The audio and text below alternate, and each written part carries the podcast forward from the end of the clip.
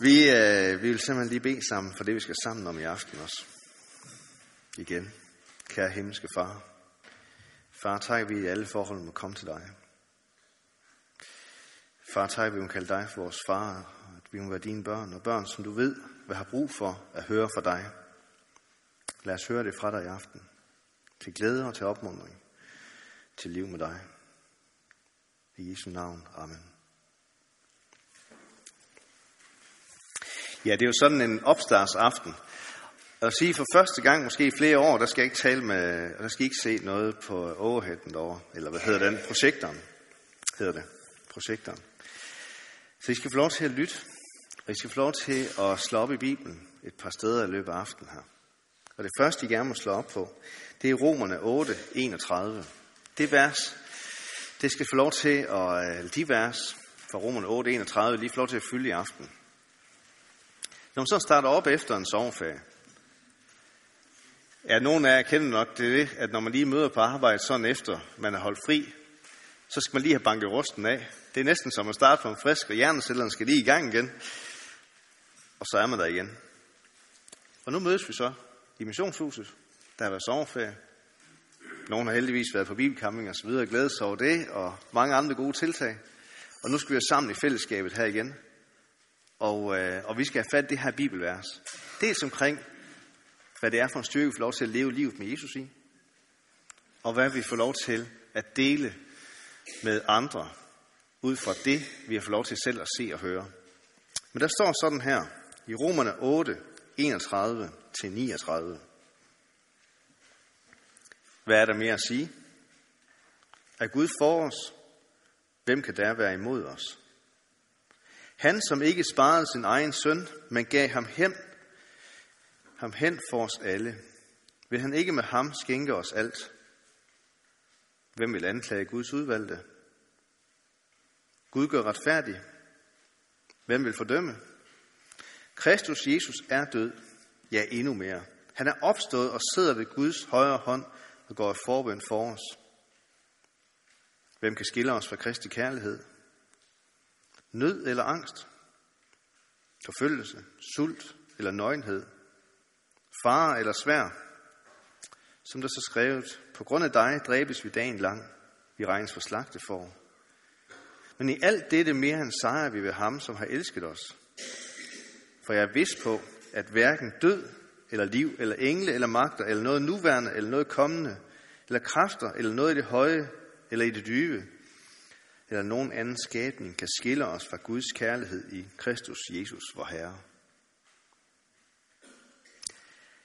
Det er da nogle, øh, synes jeg, meget, meget opmuntrende vers at få lov til at møde ind til, til sådan en samlingsfest. Hvad er der mere at sige? At Gud for os. Hvem kan der være imod os? Der ligger en glæde, der ligger en velsignelse. Det er en fantastisk virkelighed at få lov til at leve sit liv på. Og alligevel, så er der nok egentlig mange af os, der hen ad vejen oplever, at sådan livet. Det er, det er måske ikke altid bare helt enkelt, det der med at leve med Jesus. Det er heller ikke altid bare sådan helt enkelt at have den der frimodighed til at fortælle andre om Jesus. Nogen har det anderledes. Men for en del af os, så er det måske ikke bare sådan, at det bare lige glider i smør. Det der med at tro, og det med at få lov til at vidne. Men både for os selv og for den omkring os, så er der brug for, at vi ikke går stille med, at Gud faktisk ikke sparede sin egen søn, men gav ham hen for os og skænke os frelsen, og at vi må leve i hans nærhed. Det er der brug for, at vi ikke holder for os selv. Frelse og fortabelse, det er realiteter i livet. Det er ikke teoretiske muligheder. Vi kan nogle gange komme til at tale om det som sådan. En teoretisk mulighed. Det er det ikke. Det er reelt, at fortabelsen er en mulighed. Det er også helt reelt, at frelsen er det samme. Jesus gør forskellen. Vi har så ufattelig meget at takke ham for. Han flytter os over sin elskede søns rige. Det gjorde Gud, da han sendte Kristus. Han flyder os over sin elskede søns rige. Og der kan vi få lov til at leve i dag og til evig tid. Og derfor så skal jeg ikke holde det for os selv. Men hvad skyldes det så, at formodigheden nogle gange rammes? Det er som om, at nogen af os så bliver stemmen sådan lidt afdæmpet eller spagfærdig, når det er, som vi møder spørgsmålet, hvem er du så? Jeg kunne sige, ja, jeg er generalsekretær inden Indre Mission. Det kan blive sådan lidt som om, ja, generelt set er det fint nok sagt. Det med Indre Mission, det kan være lidt tungt lige at få ud over læberne. Kender du til det, hvis du bliver spurgt om, hvad du skal sådan en aften som i aften? Eller i forhold til at, for, at fortælle om, hvor fantastisk det er at læse i Bibelen. Så når du bliver spurgt, så jeg med, jeg er et Guds barn. Det er simpelthen så stort, og jeg glæder mig over hver eneste dag, jeg kan læse min Bibel. Og jeg kan få lov til at læse der, forstå der, og se mig ind i, at Gud han elsker mig. Og så kommer jeg i øvrigt i en fantastisk forening, der hedder Indre Mission. Jeg tror, det er de færreste, der lige er i den udgave, og det er også fint nok. Men hvad er det, der bygger den her begejstring op? Den frimodighed, det er at få lov til at fortælle andre om Jesus. Og hvad er det tilsvarende, der dæmper den? Og lægger den ned for os. Der står, at Gud for os, hvem kan da være imod os? Han, som ikke sparede sin egen søn, men gav ham hen for os alle, vil han ikke med ham skænke os alt? Hvordan kan det så være, at vi rammes af sådan en sænket stemmeføring, når der er mulighed for at i tale sætte frelsen om Jesus? I Jesus. Og jeg tror dertil, at vi er også en gave til hinanden som fællesskab. Ja, der sprudler af formodighed på det her område. Del det med os andre. Ja, der synes, det er vanskeligt. Lad være med at øh, tænke i, at det skal være den dårlige samvittighed. Dårlig samvittighed kan i bedste fald give sådan nogle mavekramper, sådan en, øh, jeg ved ikke, en unaturlig krampet tilstand af viden til tjeneste eller sådan noget. Men byg på de ting, der skaber frimodighed. Og hvad er det? Hvad er det, der skaber glæden i Kristus?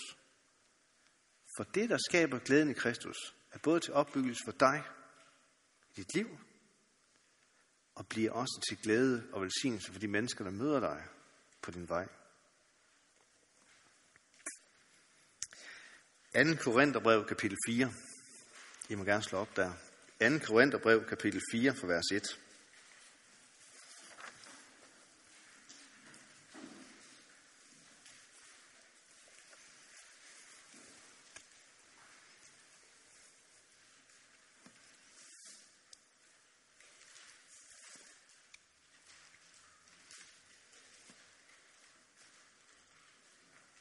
der står, Derfor bliver vi ikke modløse i den tjeneste, som vi har fået af barmhjertighed. Vi har sagt nej til det skjulte og skændige, og går ikke frem med snedighed og forfalsker heller ikke Guds ord, men bringer sandheden for dagen og anbefaler således os selv til et hvert menneskes samvittighed for Guds øjne. Og er vort evangelium tilhyldet, er det kun tilhyldet for dem, der fortabes, for dem, der ikke tror.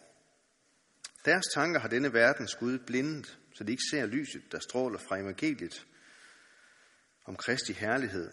Kristus, som er Guds billede. For vi prædiker ikke os selv, men Jesus Kristus som Herren, og os selv som jeres tjenere for Jesus skyld. Til Gud, der sagde, at mørke skal lys skinne frem, han har lavet det skinne i vores hjerte til oplysning og til kundskab om Guds herlighed på Jesu Kristi ansigt. Gud kalder os til tjeneste som vidner. Gud kalder os ikke til en tjeneste, hvor vi sådan langsomt dræbes af overbebyrdelse. Han kalder os ikke til en tjeneste, hvor vi ikke udrustes til at være i den. Han kalder os ikke til en tjeneste, hvor vi ikke er fagnet af hans nærvær. Han kalder os heller ikke til en tjeneste, hvor vi aldrig får det gunstige øjeblik for at udfolde den. Vi kan altså ikke til en tjeneste, hvor der ikke er sat en ramme for, at den kan udfolde sig indenfor. Også i Guds tjenesteafdeling, der er det evangeliet, evangeliets frihed, der råder. Det er Guds kærlighed og noget, der gør, at vi får de her gaver, de her tjenester, de her muligheder. Ordet opgave er jo et fantastisk ord, men som bare lige deler en lille smule op og bytter om på, på øh, ordets opbyggelse, hedder det en gave, man samler op. Som tror jeg faktisk, det er for de opgaver, Gud giver os i livet.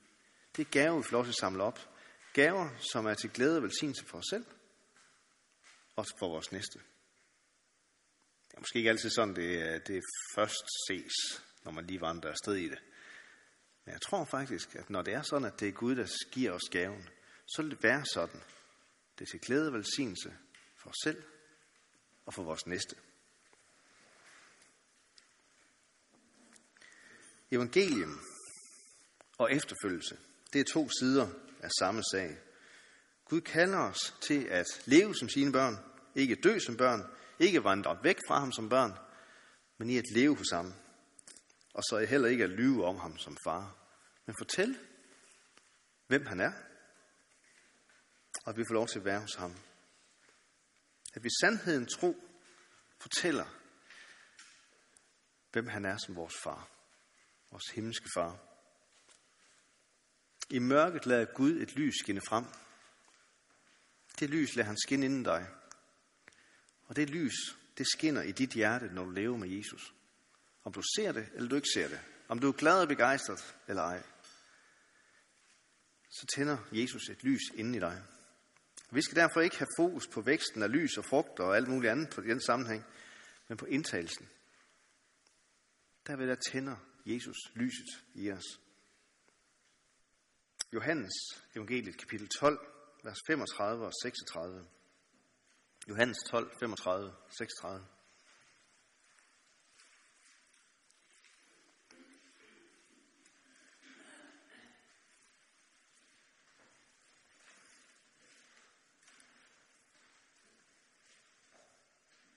står, Jesus sagde til dem. En kort tid endnu er lyset hos jer. I skal vandre, mens I, er, I har lyset, for at ikke mørket skal gribe jer. Den, der vandrer i mørket, ved ikke, hvor han går. Tro på lyset, mens I har lyset, så I kan blive lysets børn.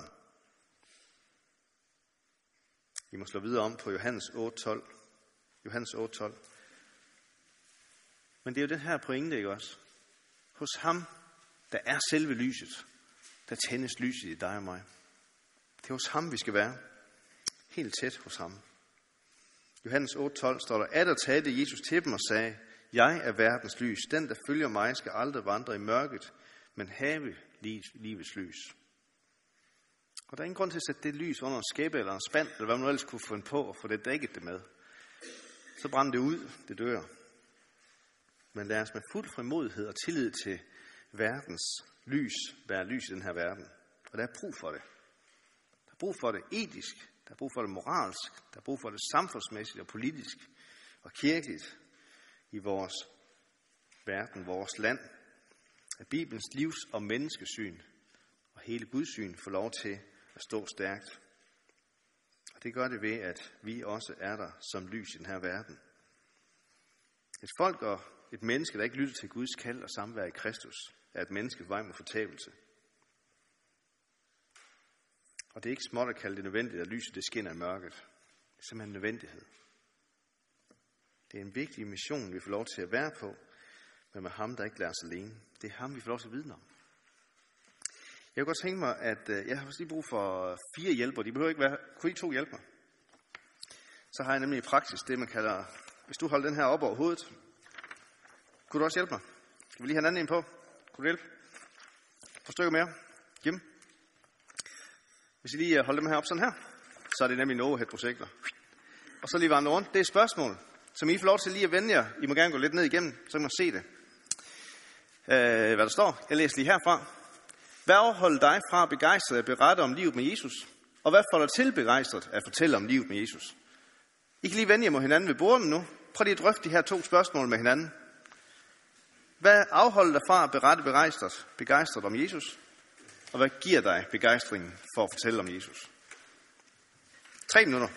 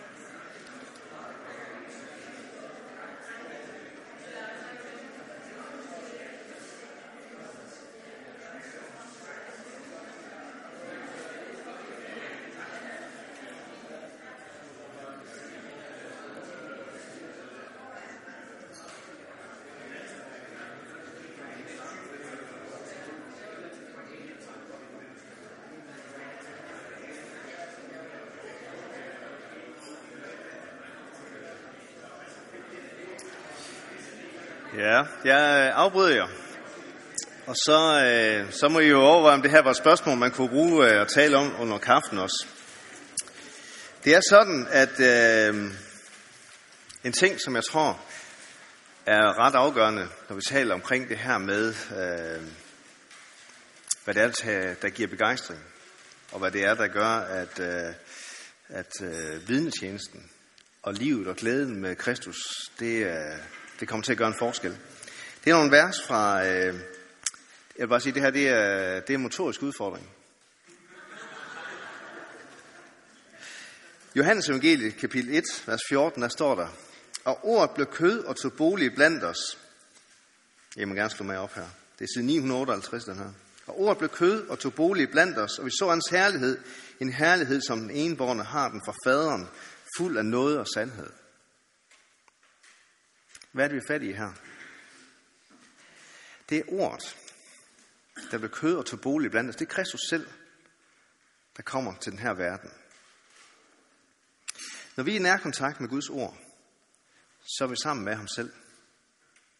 Med ham selv. Så er vi sammen med ham selv. Det er ham, der i sit ord rækker sin hånd ud. Rækker ud og former og danner, så vi kan skønne med af hans vilje. I mødet med Guds ord får vi også at møde Kristus selv. Hvad er det, der sker, når et menneske møder Kristus selv? Vi kan tage nogle eksempler. Hvis nu I læser i, uh, slår op i Apostlenes Gerning, kapitel 9, så står der, at uh, om, uh, om Saulus, ham der også hedder Paulus, han flyste af raseri. Jeg tror, der var vist temperament i Paulus. Det er der meget tyder på, også når man læser hans brev, jo et ret meget temperament. Men der sker noget med ham. Hvad sker der? Han møder Kristus selv på vejen til Damaskus. Han bliver slået til jorden. Rent fysisk, så sker der noget med ham. Han kan ikke se noget længere. Og en mand inden Damaskus, Ananias, han bliver kaldet af Gud selv til at gå ud og, og bede for ham. Ananias, han er faktisk lidt tilbage i hånden, fordi Paulus, han var ikke sådan, han var ikke nogen rar fyr, tror jeg. Øh, for det var ikke for ingenting, han fnyste af raseri og vrede. Han ville faktisk dem, der fulgte vejen, dem ville han det rigtig skidt. Men han møder Kristus selv. Altså ham, vi også lov til at møde her. Guds ord. Han mødte Kristus selv. Hvad skete med Paulus? Der skete en forvandling. Fuldstændig. Han gik fra at forfølge dem, der var på vejen, til at gøre alt, hvad han kunne for at blive flere af dem i stedet for.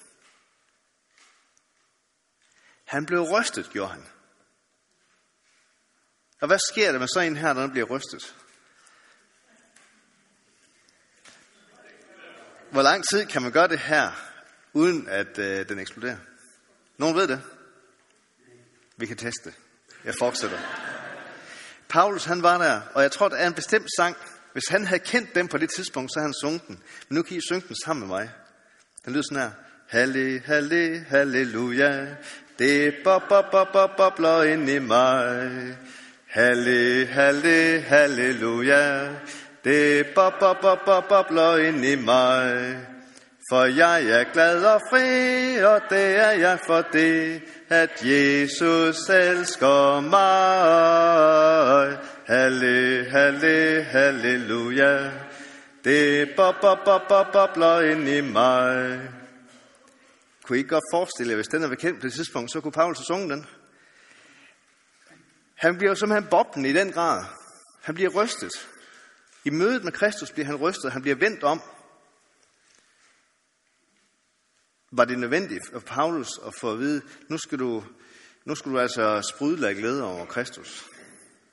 Nej. Han var fyldt af det, der skulle til. Kristus selv fyldte ham. Så det er boblet ind i ham. Og jeg vil bare sige, på den her, så kan man mærke, at der sker noget. Man kan mærke det. Man kunne tage andre personer frem. Julenat, der er der nogle hyrder ude på marken.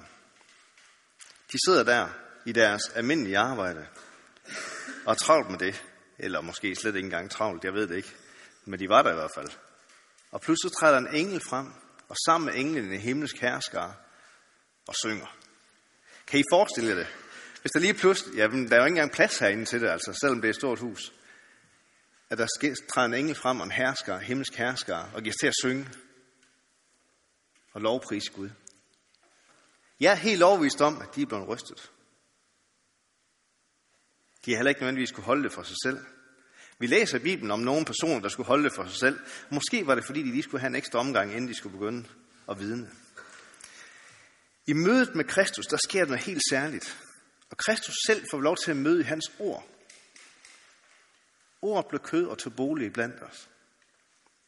Der får lov til at møde Kristus selv, og derfor er Bibelen så afgørende væsentlig for, at vi får den her tur en gang imellem. Jeg skal lige høre. Hvad tror du, der sker, hvis jeg åbner den her? Der kommer sodavand ud. Hvad tror du, der sker, hvis nu du får den her med hjem, og så åbner den, når I kommer hjem? Hvorfor skulle den åbnes ud i haven? Nej, det gør den ikke. Nej, for den falder til ro. Ja, jeg har testet det. Det gør den godt nok. Luther han har så et godt udtryk. Det er daglig omvendelse. Jeg tror, det handler om, at vi har brug for at få sådan en tur her. Nogle gange. Men hvis du ryster den en tur igen inden derhjemme, så skal jeg love dig med, at så bliver det spændende. Nu. Så sker der ting og sager. Så har du solvand ud over det hele, og du er ikke engang nødt til at fortælle den. Du skal altså... Du skal sprøjte, skal du. Nej, det behøver du ikke sige til den. Det gør den helt automatisk. Og sådan tror jeg, det er, når vi kommer i mødet med Guds ord. Så kaos. Han kravlede op i et morbefintræ, for han vil gerne se Jesus. Og Jesus han øh, siger til ham, i dag der vil jeg være gæst i dit hus. Det er ligesom at læse om i åbenbaringen 3, hvor der står, se, jeg står ved døren og banker. Åbn nogle børn, døren, gå ind. vi lægger træde ind og holde måltid med ham. Det er det, så kan få lov til at opleve. Det er det, som du og jeg, vi kan få lov til at opleve hver eneste dag ved at åbne vores Bibel og få lov til at være sammen med ham. Der får lov til at møde hans kærlige hånd, der rækker frem og vil støtte og vejlede, opmuntre til den dag, som vi møder. Med alle de besværligheder og øv og bøv, og alle de glæder, som vi måtte have. Der får vi lov til at være, jeg, jeg tror, så Kæves også var være rystet. Det skabte livsforandring for ham. Vi kan godt synge en gang mere. Halle, halle, halleluja. Det bobler, bobler, bobler ind i mig. Halle, halle, halleluja. Det bobler, bobler, bobler ind i mig. For jeg er glad og fri, og det er jeg for det, at Jesus elsker mig. Halle, halle, halleluja. Det bobler, bobler, bobler ind i mig. Der var en øh, kvinde ved en brønd, som mødte Jesus. Og øh, hun fører sådan en samtale lidt frem og tilbage med ham. Og det går ikke lang tid, før hun føler sig fuldstændig øh, afsløret i sit liv. Hun kan ikke sådan skjule noget for, for Jesus. Det tror jeg har været det samme for de øvrige, der møder Jesus. Det samme for Peter også. Disciplen Peter. Den Gud, som, øh, som fornægtede Jesus. Den Gud, der fornægtede Jesus, det er ham, Jesus siger, på dig vil bygge kirken. Hvordan kan man bruge sådan en mand til det? Jesus, eller Peter har rystet, og han elskede Jesus. Hvorfor gjorde han det? Han har mødt ham. Og han mødte ham med den tvivl, og det temperament, og den personlighed, han havde. Og Jesus tog ham ind til sig, og gav ham turen, så han kunne sprudle af kærlighed. Et meget tydeligt eksempel på en, der sprudler af kærlighed, det er Johannes. Når vi læser Johannes' breve, så får vi lov til at møde en person, som simpelthen ikke kan stoppe med at tale om, at vi elsker, fordi han elsker os først. Vi ved ikke ret meget om, hvilke personer der stod ved korset, dengang Jesus han hang der. Vi, vi ved ikke så mange præcise personer, der stod der. Men vi kan se, at Johannes var der. Og jeg er helt overbevist om, at det, at han har stået der, det har sat sine dyre bare mærker ind i Johannes.